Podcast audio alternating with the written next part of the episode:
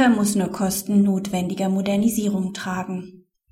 Soweit eine Modernisierung erfolgt, braucht der Mieter nur die Kosten zu tragen, die für deren Durchführung notwendig sind. In einem dem BGH jetzt vorliegenden Verfahren baut der Vermieter in eine Wohnung mit zwei Wasserversorgungssträngen die nach der örtlichen Bauordnung notwendigen zwei Wasserzähler ein. Im Rahmen der Mieterhöhung wegen Modernisierung will der Mieter nur die Kosten eines Zählers tragen. Der BGH gibt hingegen dem Vermieter Recht, soweit sich aus landesgesetzlichen Regelungen die Notwendigkeit des Einbaus von mehreren Wasserzählern ergibt, liegt ein Fall des Paragraphen 559 Absatz 1 BGB vor, die den Mieter zur Akzeptanz der Erhöhung der Miete verpflichtet. Praxishinweis Der Gesetzeswortlaut ist eindeutig, so dass der BGH zu keinem anderen Ergebnis gelangen konnte.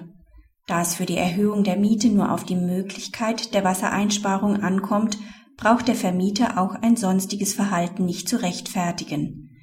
Der Gesetzgeber hat unabhängig vom Willen des Vermieters ausschließlich den Mieter mit den Kosten belasten wollen, allerdings nicht mit unnötigen, unzweckmäßigen oder sonst überhöhten Modernisierungsaufwendungen